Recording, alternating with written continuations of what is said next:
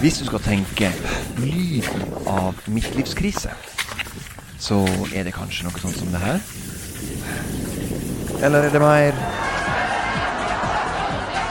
Nå får du ikke snakke om eh. Men kan lyden av midtlivskrisa òg være For verdens sprekeste sogning, så var det i alle fall det. Jeg klarte da å gjøre tre-fire timer med aktivitet hver dag. Men det var altså rusling, mye luking av ugras, kløpping eh, og rosebusker og bærbusker sånn i rolig tempo. Så ikke sånn, sånn som en gjør når en jobber i hage, men sånn jeg gikk og stulla. Dette er Yngvar Andersen. 45 år, kjent fra Puls og NRK og mye mer. Han som i årevis har kjempa for å lokke flest mulig nordmenn opp av sofaen. Men sjøl den beste motivator kan gå på en smell. Og den smellen får du høre om i dagens episode av Midtlivsmannen.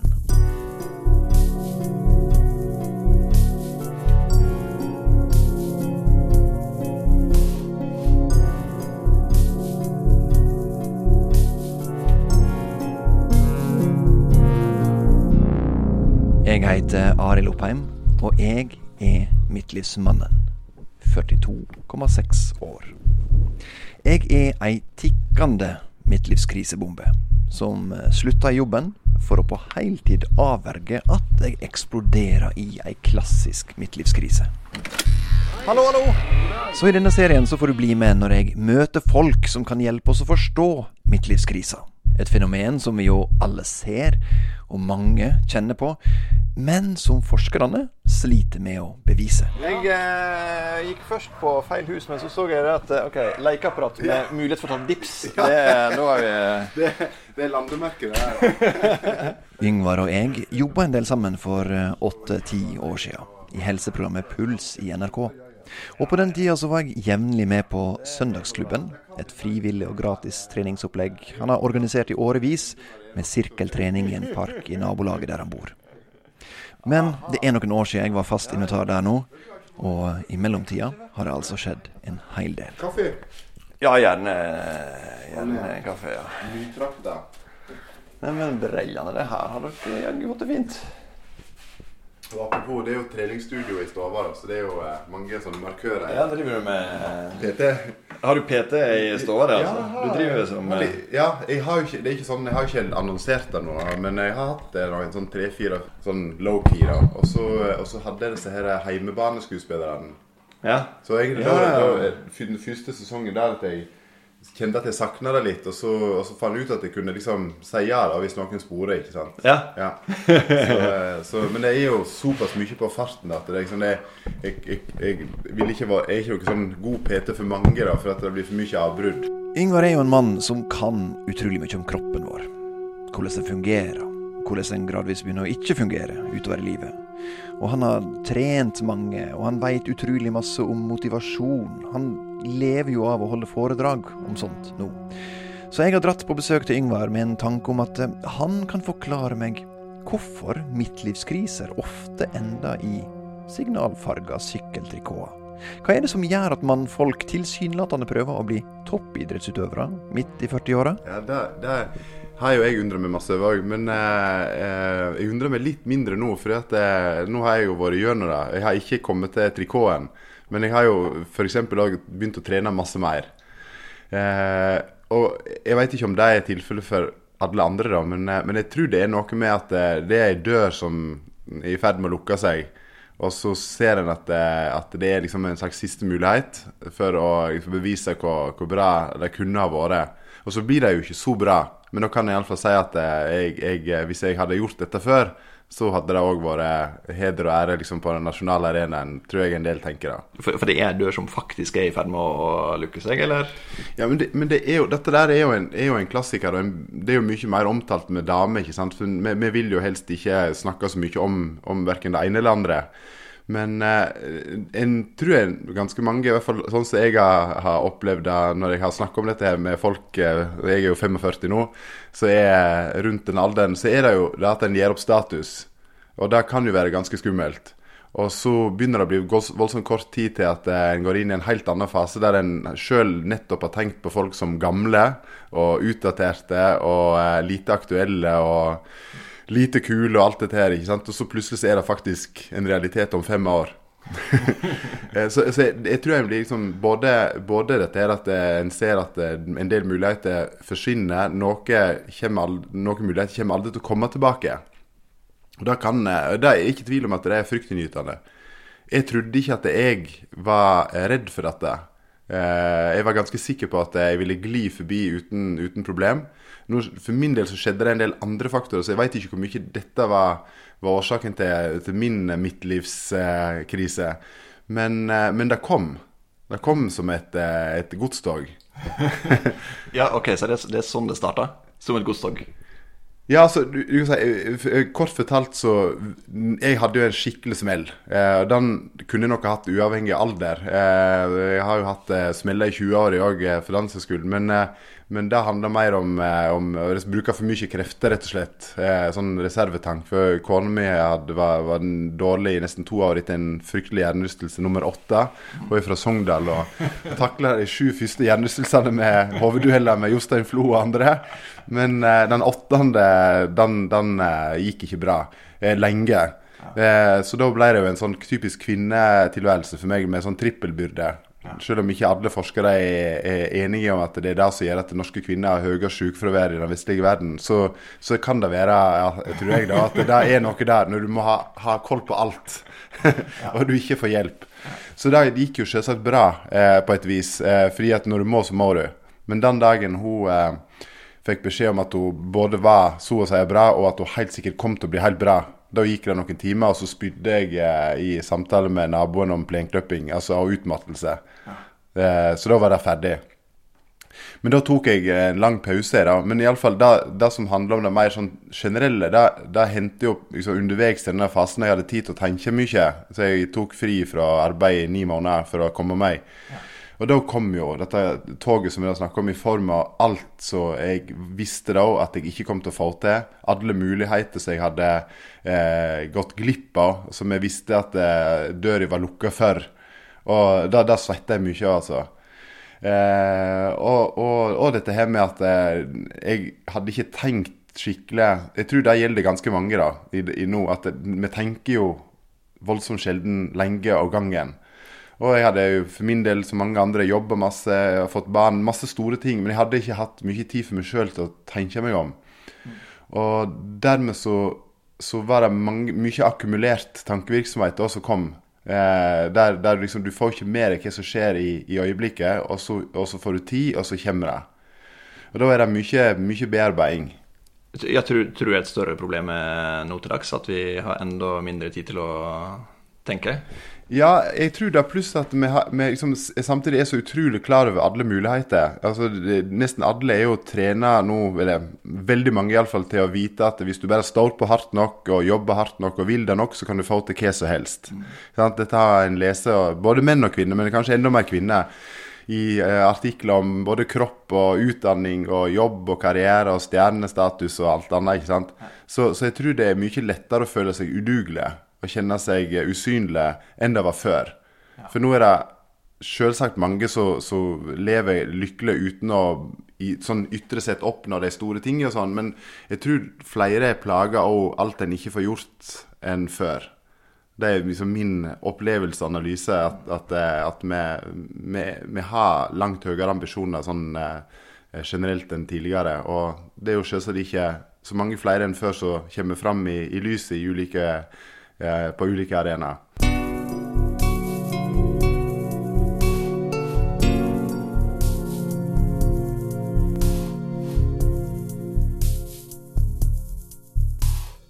Samlivsguru John Gottman fortalte i en tidligere episode av Midtlivsmannen at den typiske mannen i midtlivskrise gjerne var en mann som hadde valgt en retning i sitt unge, voksne liv. Utdanning, jobb, partner, familie, alt det der. Og kanskje var valget tatt på sviktende grunnlag. Kanskje var det påvirka av andre, av hva som var forventa, og ikke nødvendigvis hva som han følte var riktig. Men uansett, han hadde tatt på seg skylapper og vært trufast mot de valga. Ikke sett seg tilbake igjen, knapt nok sett rundt seg. Men så, midt i livet, merka han at valga var dårlige. Retninga var feil. Han får panikk, eller iallfall en eller annen form for motivasjon til å gjøre noe for å unngå evig ulykke. For Yngvar så var det på en måte motsatt. Han hadde jo gått sin egen vei. Han hadde levd etter sitt eget hjerte. Men midt i livet så ble han ramma av ei flodbølge av tanker om at det var dumt gjort av han. At han burde ha gjort som alle andre. At han burde vært med på jaget etter mest mulig og størst mulig. For min del så, så var det mye knytta opp til at eh, jeg f.eks. ikke har spesielt eh, fokus på business eller penger og sånne ting. Og så eh, er jeg voldsomt fornøyd med det nå, men i den akuttfasen der, der toget kom, så hadde jeg vel en blanding av både bitterhet og jeg følte meg litt dum over å ha lett vært en del ting. Som, altså en del muligheter som opplagt ville ha vært gunstig sånn sett. Så, så sånn status var kjempeheldig. ikke sant? Jeg kunne ta ni måneder pause uten å sjukmelde meg. Sant? Så jeg hadde jo, sånn Nå ser jeg på det som en ekstrem luksus. Men da var jeg i en fase der dette huset, for eksempel, denne hagen som jeg nå ser på som gigantisk, og, og så stor at jeg syns det er nesten vrient å bo her, da var liksom ikke stort nok. Jeg, for jeg visste at jeg, jeg kunne jo lett ha hatt mer. Jeg kunne hatt mye mer penger. Jeg kunne hatt eh, eh, kunne ha sett inn penger på fond. Du vet, alt sånt, altså Fra stort til smått. Men så egentlig er jo ikke jeg der. Jeg vil ikke være der. Det er ikke sånne ting jeg, jeg, jeg, altså sånn, jeg, er voldsomt glad nå for at ikke vi setter noen penger i fond. For jeg er jo imot at det i hele tatt skal være mulig å tjene penger på sånt. ikke sant? Eh, at ikke vi f.eks. kjøpte en leilighet eller to som jeg, tenkte på. ikke sant? Det er sånn klassisk, Du har akkurat muligheten økonomisk til å investere. Er det eller fond eller typisk eiendom. Men, eh, men, nå er jeg også glad for at, at vi ikke gjorde det. Men det var sånne ting at det, det var, det, var, det var, i en periode for min del når, når jeg, jeg, var veldig sånn mye på TV og, og var litt sånn pioner og hadde liksom masse tilbud da, som er veldig lett eh, sa nei til eller kanskje ikke tenkte noe over, fordi at jeg hadde det jo strålende. Ja. Og så bare sånn Plutselig så jeg følte jeg var på bar bakke da, eh, og, og begynte å bli mindre aktuell. og sant? Skjønte at det, liksom, en del ting det passerer. Hvorfor gjorde ikke det? Ikke ungene var født, og de kunne liksom ha vært mer eller mindre, tenkte jeg, da, sant? sånn tanke som sikra nå, nå, må jeg faktisk stå på resten av livet òg, ikke sant. Eh, det var Altså ifra det, det mer eh, det, det djupere til det, til det helt uh, overfladiske og, og, og uh, egentlig lite viktige for meg sånn grunnleggende. Men jeg tror det handler om den, der, den døra. Ja. At den, eh, den, den, den, var aldri viktig, men når den begynte å lukke seg sant? Det er jo klassisk. Når du ser at noe forsvinner, så begynner det å bety noe. Mens det kanskje egentlig ikke betyr noe når en får tenkt seg om. Mm. Men det var det, du var begynt å bli mindre aktuell? Altså færre oppdrag, eller var det like, mange, like mange, tilbud på Nei, egentlig akkurat da så var det vel eh, all time high, egentlig. Så, så, så det var vel eh, Det var vel egentlig ikke en sånn Å, nå begynner liksom eh, ting å, å, å dabbe av. Det, for det var akkurat den høsten som, eh, som, jeg Eller dette var i august, da når jeg avlyste først et halvt år, og senere tok jeg tre måneder til for å komme til hektene. Så hadde jeg jo eh, til da og eh, fram til nå òg den mest innbringende perioden i hele mitt liv. Så de oppdragene jeg sier fra om, de var de beste, eller den høsten var den mest innbringende. Så det var jo egentlig ikke at det det var tilfellet, men det var en opplevelse av at eh, dette kommer ikke jeg til å fortsette med. Altså, altså jeg, jeg, kjente at det, at det var ikke noe jeg ville jobbe hardt nok for å få til. Så du vet, sånn, Det blir litt umulig, da, for jeg, jeg, vil egentlig ikke, men jeg skulle gjerne hatt det. Mm. Ja. Kom disse tankene der gradvis, eller var det litt sånn uh, var det som en godstog, som du sier? ja, det, altså det, Toget kom for så vidt eh, eh, fordi at det, det, var da det var muligheten for at det skulle komme. Men jeg tror nok eh, pga. den krisesituasjonen som vi var i, da, så, så utsetter jo alle sånne, sånne ting til, til, at jeg da tok den pausen. Så det hadde nok sannsynligvis kommet uansett, og det hadde sikkert kommet før. Men når du står i en, i en krise sånn direkte, så da har jeg jo ikke en tid til sånne ting. Da er, det, da er det day to day og minutt for minutt. eh, så, så, egentlig eh, tror jeg nok at det, det hadde kommet litt før, men ikke med så stor fart. For, for det, akkurat det der syns jeg er veldig fascinerende. Jeg lurer litt på om egentlig midtlivskrisa kommer når, det, når den har overskudd til det. Mer enn, altså hvis, hvis, du er i en låst situasjon, så Ja. Eh, altså, Det, det jeg ikke om jeg kan bekrefte for menneskeheten, men, jeg, men jeg, tror, jeg, tror, jeg, tror, du har helt rett i at, eh, at en, må, altså, en må ha tid til å, til å tenke for å få til masse fantastiske bra ting, og sannsynligvis òg for det motsatte. Mm. Eh, er du alene far eller mor eh, og har tre jobber og må faktisk gjennomføre det hver dag for å få mat på bordet til familien og en plass å bo og tak over hodet, så tipper jeg jo at eh, en ikke får disse tankene. Mm. Eh, da, da, da, kan ikke en. Jeg har ikke mulighet til det. Så jeg vil ikke si det er sånn tilværelsens utholdelige letthet. Men, men, det kan jo være noe, noe sånn grader av det. da. Mm. Eh, for nå veit ikke jeg, men, eh, men, jeg vil jo anta at hvis en hadde snakka med menn og kvinner i 40-år i, i uh, fattige land, så er det sannsynligvis ikke akkurat sånn som det er i vår del av verden. Det der er en tanke jeg skal forfølge. Ja. Garantert. Det skal jeg finne ut av. Men du, du sa at eh, ja, du, du, trener mer nå enn eh, noen altså, du, har jo levd av å få folk i eh, god form, og eh, du har nå vel trent mer enn nok eh, fra før? Jeg trener voldsomt lite i mange år. Eh, så, så, det er jo Når, når det først dette her var, var, over, så vil jeg jo si at det, det som skjedde med meg, var jo at jeg på en måte ble født litt på nytt som voksen. fordi at jeg F.eks. på det området der, da hadde, gikk egentlig inn i en liten rolle. Jeg vil si at jeg var ikke en skuespiller, og jeg var ikke falsk. Men når jeg begynte å virkelig formidle liksom, trening til folket, da, i de ti årene så jeg virkelig var liksom hele tiden der ute med TV og puls og alt dette her, så gikk jeg over til å, til å trene stadig mindre.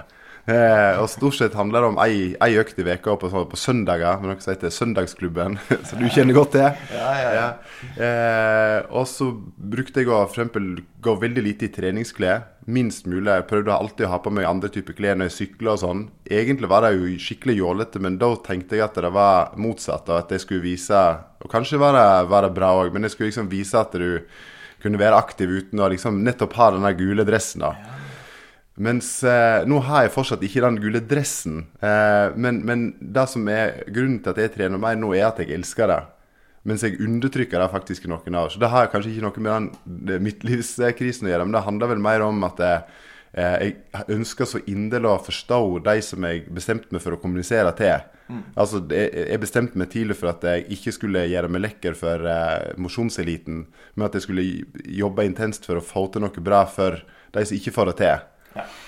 Og så gikk jeg kanskje litt langt, men samtidig så tror jeg jo at det hadde en, en slags Altså disse ubevisste signalene du sender ut, da, at eh, jeg aldri ble avbilda altså, i, i sånn trange trikoter. Sånn. Jeg tror kanskje det hjalp litt på rollen. at det, når jeg tross alt så ganske sprek ut, da, og det er jo litt genetikk og det faktum at jeg aldri har hatt bil og sånn, så jeg, selv om jeg trener en gang i veka, så bevegde jeg meg jo en del. Ja. Så jeg så jo eh, sprek ut. Men hvis jeg da hadde sett sprek ut og hatt trikoten, så hadde jeg kanskje støtt ifra meg en del av de som jeg kanskje har klart å påvirke. da. Så, så det var litt teit på, for meg, fordi at jeg, jeg, jeg, elsker det, men det var kanskje bra tross alt. så du ofra deg? Ja. Sånn ti år med method acting. Bare jeg får ikke den rollen, så men, men merker du noe på er en mer lettrent når en er ung enn når en eh, Altså på hvilken måte påvirker aldringa kroppen? Ja, er jo, Der er det jo sånn fantastiske nyheter, så jeg må bare liksom holde meg fast i bordet nå for å liksom ikke ta helt av. For dette snakker jeg om på hvert eneste foredrag når i hvert fall forsamlingen gjennomsnittlig er over 40, og det er oftest de jeg snakker til. Og det jo at De færreste vet eh, dette her, og det er snakk om fantastisk oppløftende tall. Så dette her bør jo virkelig oppmuntre alle som sitter der ute. Men la oss si sånn ca. 35. Det er jo selvsagt litt variabelt, men ca. 35, da er en på en måte på vei nedover. Men ifra 35 til ca. 70, da, så kan jeg si at i gjennomsnittlig så er det snakk om en halv til 1 forfall i året. Og det er da i, i potensialet til å prestere. Så, sånn som jeg og du, da, som ikke har tatt ut potensialet vårt i vår beste alder, vi har jo masse å gå på. Så det er jo sjelden et problem hvis ikke han har vært toppidrettsutøver. Sånn som Northug for eksempel, nå som har gitt seg. Sant? Han er jo nødt til å bli dårligere og dårligere. Mens jeg og du, vi kan ganske lenge bli bedre og bedre. Og det er jo en fantastisk fin tanke. For hvis jeg trener 30% bedre når jeg er 70 enn når jeg var eh, 40, så er, er det mye sannsynlig, hvis ikke jeg da har fått eh, uflaks med skade og sykdom, så er jeg like bra. Okay. Og, og trener jeg mye mer, så er jeg bedre. Så når en da er midt i 40-åra og begynner å eh, kjenne på litt sånn eh, At det begynner å vokse, ikke muskler, men andre ting eh, rundt omkring på kroppen, så handler det rett og slett bare om at en ikke har vært aktivt nok. da. Ja, det Altså, er, i all hovedsak er det det, og, og det er jo så utrolig morsomt, for der har jeg fått så mange eh, ekstremt gode kommentarer ifra, ifra Jeg husker da jeg var 20 for eksempel, og drev og løfta tunge vekter, så ville en 30-åring si at ja, ja, du er heldig du som er 20, og liksom bare vent til du blir 30, da. Og så til folk som Ja, du veit, jeg har passert 40, det er sant, den klassiske, så sikkert du har hørt masse. Og, Nei, du vet, jeg er nå blitt 50. Nei, det, er- det, har, det har utrolig lite å si. Men, men, eh, men det er klart det er merkbart hvis en kombinerer både for, det forfallet med å gjøre litt mer av det som ikke er bra. Så hvis du går ifra å være 20-åring og, og faktisk være ganske så aktiv og få, ha med liksom den ekstra driven ifra og, det kroppslige potensialet, og så gjør du mye mindre og taper deg 10-15% Det er klart det er merkbart. Ja. Men går du andre veien, da, så, så, eh, så er det jo klart at eh, noen kan jo da bli stikker for blod på tann av eh, at en faktisk eh, kommer i sitt livsform. Og, eh, og er veldig altså du, En ser jo i en del sånne mosjonskonkurranser at det er 60-åringer som, som er sånn ti minutter bak eh, verdens beste skiløpere i Birken og sånn. ikke sant? og det er jo det kan du si, det er jo galskap. Eh, og det forklarer jo kanskje noe av det som gjør at eh, en går over alle støvleskaft for å få til dette her. Men det er jo også litt morsomt å se at det er ikke mer forskjell. Så hvis en trener like mye og like bra, så er 60-åringen ti minutter bak eh, Martin Jonsrud Sundby i Birken. Og det er jo til å leve med. Eh, Definitivt. Eh, Og, men, men hva tenker du da om at på en måte Altså, midtlivskrise er jo litt sånn eh, Det er noen harselerer med. Ja. Det er jo på en måte litt sånn utskjelt uttrykk. Mm. og, eller utskjelt fenomen. Altså, vi, vi har jo et samfunn der vi skal, vi skal ikke mobbe noen som helst, men akkurat mannfolk i sykkeltrikot, Ja. det, det er greit å mobbe. Ja. Hva tenker du om det? Nei, altså Før så ville jeg jo ha vært med og humre over det, men nå, nå, nå ser jeg at eh, respekten vokser. du vet når du blir en del av ei gruppe, ikke sant, så, så er plutselig alt riktig innafor det. Altså, jeg har jo ikke helt fått det, men jeg har jo fått meg sykkelsko. da, Det er, nettopp, det er jo et eksempel på noe som jeg aldri i verden trodde at jeg skulle få meg. Eh, men ja, nei, altså, eh, hva skal en si? Det er, dette, dette er vrient. Men jeg kan gjerne komme tilbake til det. Men jeg, jeg vil jo si at det, for meg er det jo velsigna at det finnes noe som kan kalles en eh, midtlivskrise, eller, eller krise i det hele tatt. Det finnes jo noen psykologer som eh, snakker om at livet er ei eh, reise fra ei krise til ei anna. Og, og, vi, og da kan du jo se på det som noe veldig skummelt, eller en mulighet for hver krise til å gjøre noe som gjør at eh, livet blir bedre fram til neste krise.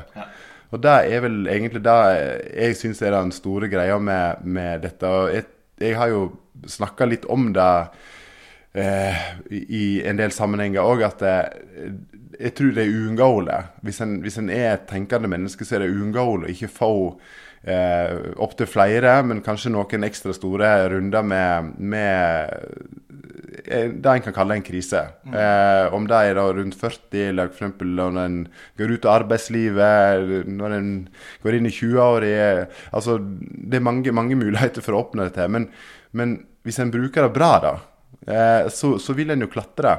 Jeg har muligheten til å, å finne ut av hva, hva er det jeg skal drive med, hva er det som gjør meg glad, hva skal til for at jeg føler trygghet og sikkerhet. Eh, hva slags muligheter ligger faktisk eh, der framme. Og, eh, og jeg tror det er mulig å glemme nesten alt i, eh, i kavet. Og, og det også så ikke oppfordre folk til å ta ni måneder pause. Det, det, jeg ser på det som min beste investering, sånn totalt sett. Ikke økonomisk, men på alle andre områder. Men at, det, men at om, om, det, er to uker, om det er ei uke, eller om det er ikke noe tid i hele tatt, men at en bruker f.eks. en måned og et år, som jeg hørte en, en veldig smart person gjorde, at setter en måned hvert år til å ikke ha noen avtaler. Rett og slett bare ha fokus på hva skal jeg gjøre med livet mitt eh, i år og framover. Ja. Altså, uten å ta fri fra jobb, eller altså egentlig agere som normalt, men mest sett ha denne måneden prioritere dette. Men for de fleste så, så klarer vi jo ikke å være strukturert på forhånd. Så da er derfor tenker jeg at krisen er velsigna.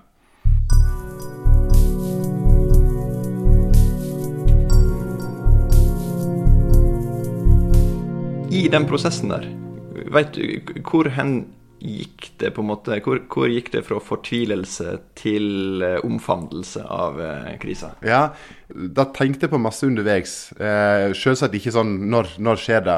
Men, men, jeg var ganske tydelig på at for min del tok det en og en halv måned. Mm. Eh, en og en halv måned med bearbeiding av det som var vanskelig og vondt. og alt det som jeg nevnte tidligere, med muligheter som gikk tapt. Dumme ting jeg hadde gjort. ikke sant? Plagde meg sjøl, grov meg ned så eh, liksom stiger liksom jeg opp ifra asken da, ved at jeg begynner å se på alle muligheter som er der. Eh, med Ja, legger liksom Jeg vil kalle det en slags eh, Bygge et hus, da. En grunnmur. Mm. Eh, der, der eh, OK, jeg har faktisk f.eks. trygg økonomi innenfor altså, rimelighetens grenser. Altså, vi har et hus i Norge, i Oslo. Ja.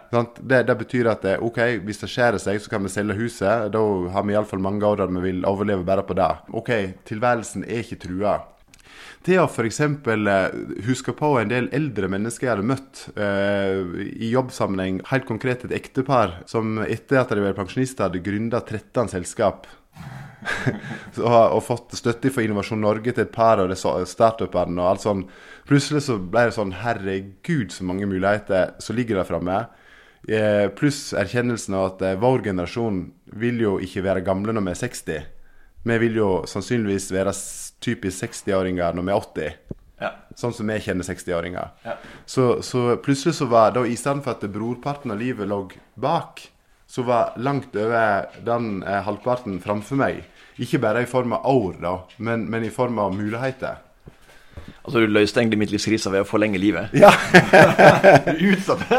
Kona mi sa det akkurat at, eh, at, at, eh, vi skal jo leve til vi er 120.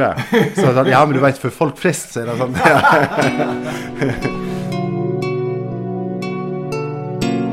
Nei, en kan aldri være helt sikker på at det virkelig er ei midtlivskrise en opplever, så lenge en fortsatt er i live. Men midt i livet eller ikke. Når du står der i gjørma av tunge tanker om livet ditt, om mulighetene du ikke greip, om alt du ikke har gjort og har dårlig tid om du skal rekke å gjøre, når du er forvirra og deprimert og usikker på veien videre, hva kan du gjøre? Når du står der i gjørma, hvordan skal du prøve å komme deg opp igjen? Yngvar måtte lirke seg sakte i gang. Jeg må jo ta med en slags um jeg vil si delvis religiøse opplevelser, og hvor fantastisk det å, å bevege seg og trene er. For jeg, jeg vil si at gjørma var djup, men, eh, men, hadde ikke det vært for den daglige enorme mengden av aktivitet, så hadde den vært mye dypere. Mm. Og da er det da ikke hard trening det er snakk om. Men jeg, jeg, var, jeg, si, jeg, var, så stolt over dette, da. Så jeg, må liksom eh, fortelle det med, med, på en bra måte, så at ikke jeg er for, for sjølgod. Men dette jeg, må bare advare, jeg er veldig stolt. For jeg klarte da å gjøre tre-fire timer med aktivitet hver dag. Men det var altså rusling hovedsakelig. Veldig rolig. For jeg kjente at det var, det var ikke noe mer jeg skulle gjøre. Mye luking av ugras kløpping og, eh, og rosebusker og bærbusker sånn i rolig tempo. Så ikke sånn, sånn som en gjør når en jobber i hage, men sånn Jeg gikk og stulla. Og det eh, syns jeg er interessant, og jeg tror det kan generaliseres. Altså, når det er tøffe tak, så blir ikke det bra, men det kan bli litt mindre gale. Sånn at jeg f.eks. i den verste fasen var i stand til å være ikke noe toppfar, men en brukbar pappa er fra sju om morgenen til ni, og så fra fire til seks. Eh, da var jo de mindre, så det var barnehage. Og så imellom der så var det trening, altså bevegelse, tre-fire timer, og tre-fire timer med søvn. Ja. det var det. Og så sov jeg tolv timer hver natt. Men, men, men hva er det på en måte rosebuskklippinga gjør? Nei, altså en, Dette vet en jo voldsomt godt, at eh, en ved å bevege seg oppnår eh, Ja, at det kommer gode stoff eh, til hjernen. Jeg liker å, å beskrive det som at eh, en ikke blir lykkelig. Sant? For det er intuitivt noen som, som svarer 'Hva skjer når du trener? Ja, du blir lykkelig'. Det er jo helt feil. Men du kan bli litt mindre ulykkelig. Okay. Eh, men er du glad, så blir du jo potensielt lykkelig. Eller er du lykkelig, så blir du enda lykkeligere. Ja. Men, men, eh, men da, da, det er kjempefine effekter. Men den viktigste effekten, tenker jeg, og da tenker jeg på eksempel med hva det gjør med folk i rus, i dype depresjoner, eller folk som har en alvorlig midtlivskrise, sånn som jeg hadde, det er jo at en i stedet for å gå og bruke fryktelig lang tid på det, klarer seg med kortere tid i krise, og ha det litt bedre i krisa enn hvis en ikke hadde vært aktiv. Men så oppbyggingsfasen, da. Hva var det som ledet deg inn i den? Det var vel ekko, faktisk. Ja, jeg, jeg, hadde hørt på ekko ganske mange masse tidligere òg, men, eh, men det begynte jo klokka ni, og det begynner vel fortsatt klokka ni. Og det passet med de daglige rutinene at det ble liksom to timer med, med ofte sånn dypere innhold da, og, eh, og med livet, rett og slett. Ja. Som, som, gjorde at eh, jeg ble satt på sporet av å finne ut liksom, hvordan, skal, skal jeg eh, lage livet best mulig for meg framover. Og familien, ikke minst. Så, så, da ble det jo både lytting og lesing og forsking og eh, planlegging og skriving og eh, ja, eh, rett og slett eh, endte opp med å sette pipa på taket, da, hvis det var dette hus, eh, husallegorien som fortsatt gjelder. Der grunnmuren var liksom å komme og unngå å bli drukna i gjørma. Så endte det opp med at jeg, jeg mener etter de ni månedene så, så var jeg utrolig mye klarere i hodet enn jeg noen gang hadde vært som voksen. Og faktisk bortimot i min livs fysiske form. ja. For da gikk jeg jo over da, fra å klippe rosebusker til å begynne å trene ordinært etter noen måneder. for å si det sånn. Så det var ikke rosebuskeklippingen som gjorde at jeg kom i mitt livsform, men, men, den, men den, den, uten den så hadde ikke jeg kunnet kjørt på videre. Det, det, hadde vært en uh, treningsmetode uh, som hadde Den hadde vært salgbar. det er sånn som han Mosley med den uh, 5-2-dietten. Hadde et rosebuske Rosebuskmetode. Worldwide success.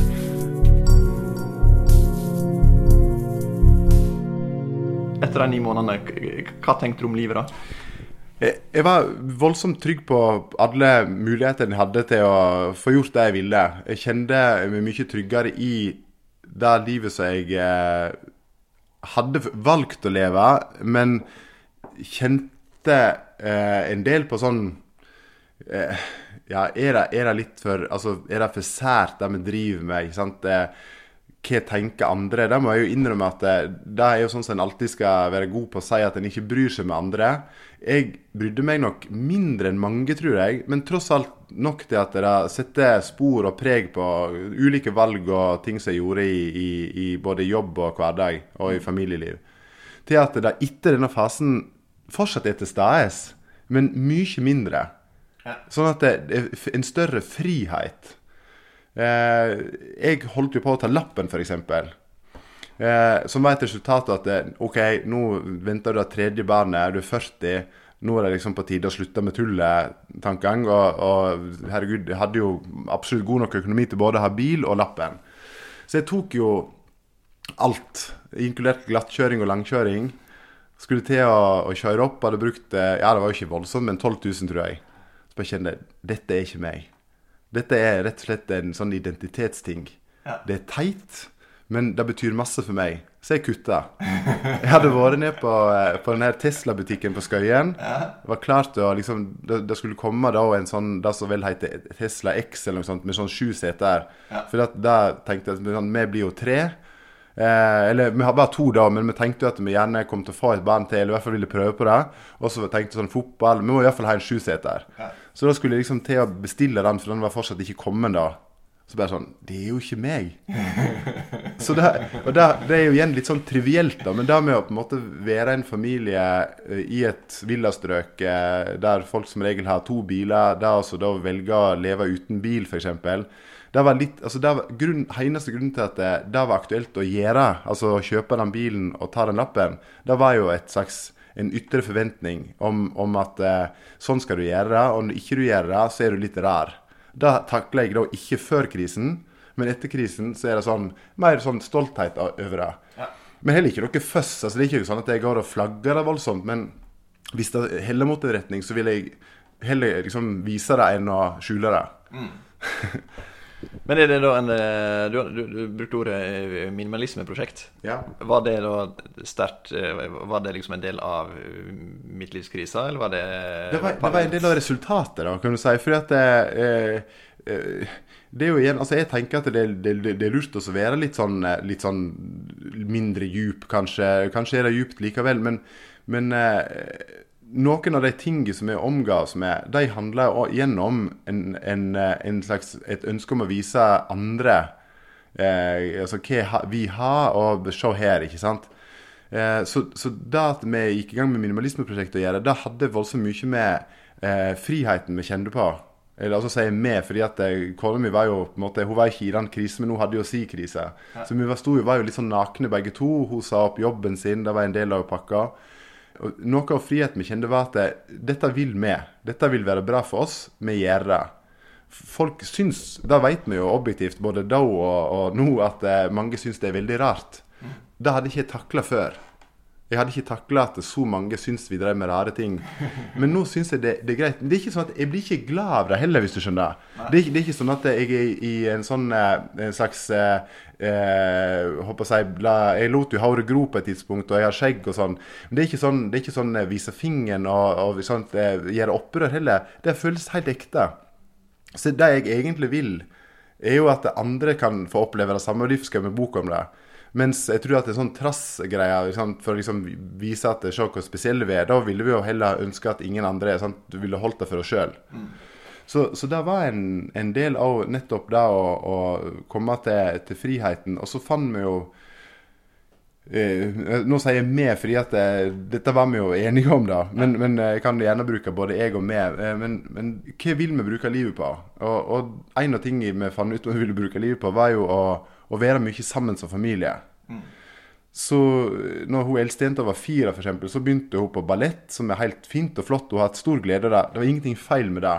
Men vi innså jo at eh, vi var i ferd med å gå inn i et sånn vanlig løp der eh, en skal gjøre tre til fire fritidsaktiviteter. Um, liksom, hun må henge med, for at det andre så, så Hun kan stå på hendene eller slå hjulet, da kan ikke hun.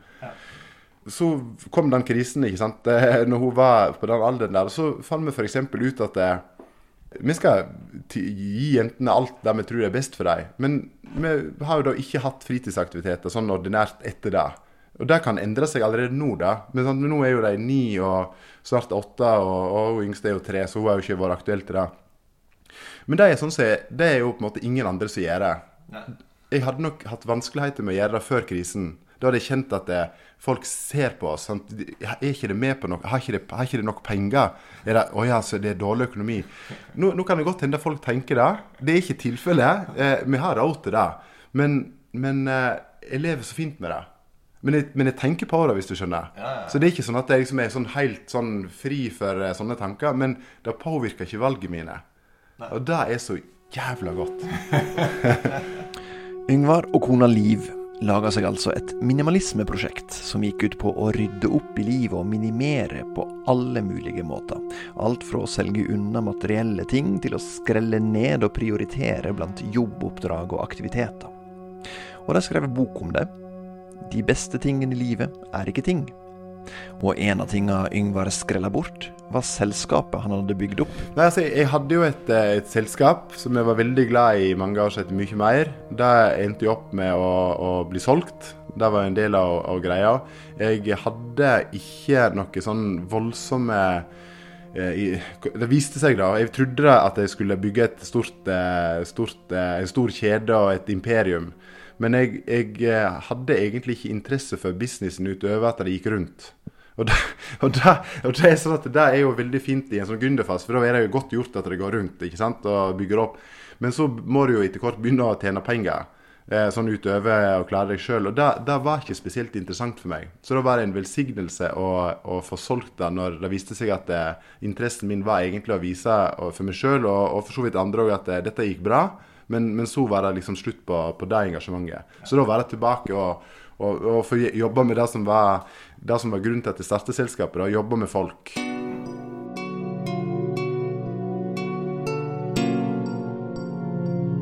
Ja, så må jeg jo ta med da at pga. tiden som har kommet til rådighet, så har jeg jo fått endelig gjort noe med, med eh, noe jeg har hatt lyst til hele mitt voksne liv, og det er å gå inn i politikken. Ja.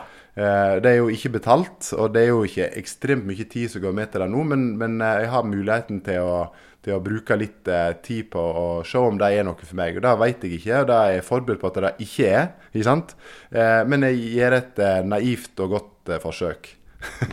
Så nå sitter du da i bydelsutvalget? By, jeg sitter i bydelsutvalget i Nordre Aker for, for SV.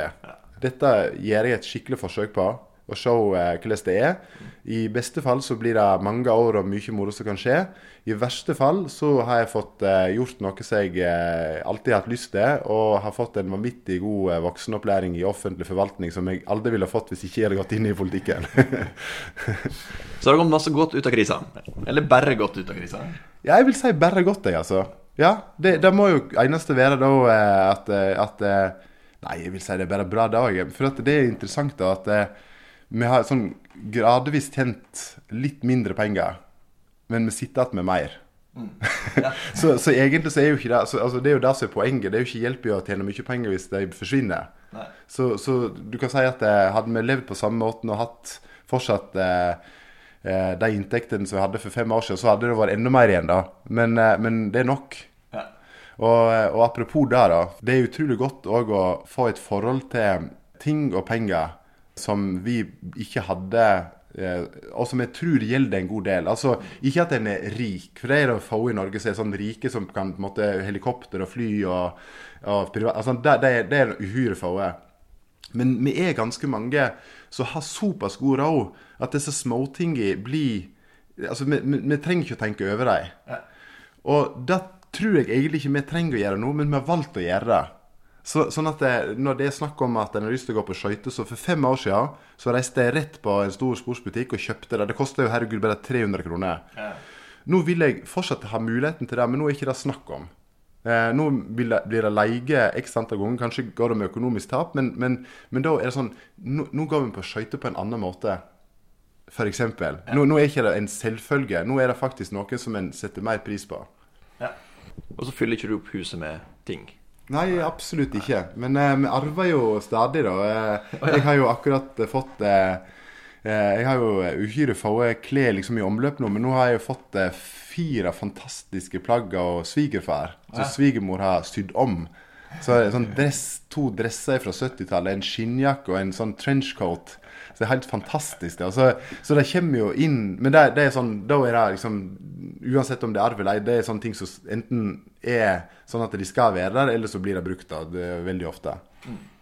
Nå skal jeg i begravelse, f.eks., og da er det fantastisk at jeg har én dress som kan brukes til det. Ja. Ja, bra. Skal, den, eh, OK, jeg skal være ute herifra om ti minutter, for da skal vi i begravelse. Men da, eh, bare et siste spørsmål, egentlig. Eh, om en ender opp i minimalisme, eller om en ender opp i um, å bli i sin ja, livsform. Uh, om en gjør det i sykkeltrikot eller ikke. om en kjøper seg sportsbil eller ikke. Midtlivskrisa, er den bra for, for oss? Er den bra for samfunnet? ja, ja, på samfunnet jeg er litt usikker, jeg, altså, fordi det, det, kommer jo an på om en, om en, klarer å ta hånd om det. Men jeg tror at hvis en hadde brukt det på en bra måte, altså om det er da Eh, akkurat da, eh, en er 40, eller når det skjer, at en, at en har passer på å ha tid til å tenke seg om. Jeg, jeg tror det er eksepsjonelt verdifullt. Men så tror jeg òg at eh, Du snakka litt om det sånn innledningsvis. Dette med hvordan kan en forberede seg på dette. Og Jeg tror jo det er umulig å unngå at det kommer kriser.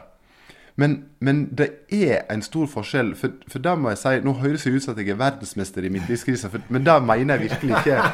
Men, men det, var ikke, det var ikke rart for meg når det skjedde, hvis du skjønner. Eh, og jeg tror at det, Ja, det, var, det, var, det, kom som en smell, men likevel så Pga. at jeg, jeg forholdt meg til at det, det, var en stor sannsynlighet for at det ville skje meg òg, så ble smellen igjen bitte litt mindre. Ikke mye, men litt. Mm. Så det, det jeg eh, vil fram til, er vel at eh, eh, for alle som ikke har kommet dit, om en er 35 eller om en er 45 og tenker at det, det, ikke skjer Kanskje ikke det skjer eh, midt i livet, men, men krisa vil skje. Og da å, å være forberedt på at, at det, det, det, det kommer til å skje, det tror jeg er det beste en kan gjøre. Ikke for å være sånn pessimistisk og tenke at det, liksom, det kommer, nå ikke er det snart like før, men, men, rett og slett for å være, at en har en forståelse av at, at uh, livet går opp og ned. Og en, en, jeg tror det er en lur måte å tenke på at en går fra krise til krise, og så er det hva fyller en liksom, mellomrommet med. Så den utløsende faktoren, altså det at en begynner å tenke på at livet er kort og at en skal dø og den slags, det er egentlig en slags velsignelse hvis en håndterer det på riktig måte? Jeg er helt sikker på at det, at det er en velsignelse. Og, og, og døden var, var, lite vesentlig eh, i min krise. For dit kom jeg ikke. Og det blir nok kanskje neste. Ikke for min del, da. At, eh, at det, for det hadde for mange andre ting så, så, eh, så, var der. Så, så, det kan hende at det blir rundt 60 eh, eller noe sånt. ikke sant? Når det, når det blir mer sånn øh, Ja, altså opplagt nære på. Men ja, Så døden var ikke der. Men ja, det, det, det skjer. Skal du bli 120, så er jo 60 midt i livet. Ja. Det var akkurat det jeg tenkte. til.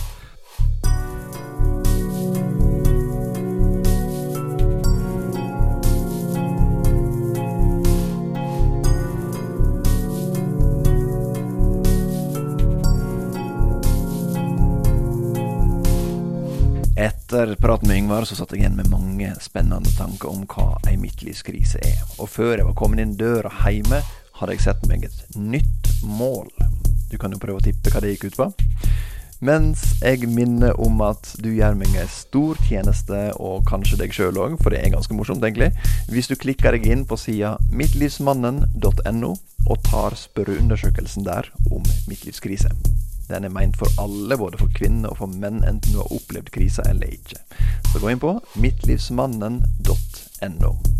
Og dersom du har spørsmål, ris, ros, hva som helst, så kan du formulere deg en e-post til mittlivsmannen at gmail.com.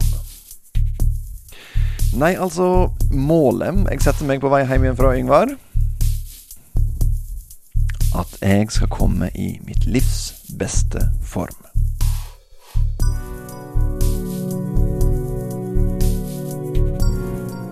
Det blir det mer om i neste episode av Midtlivsmannen.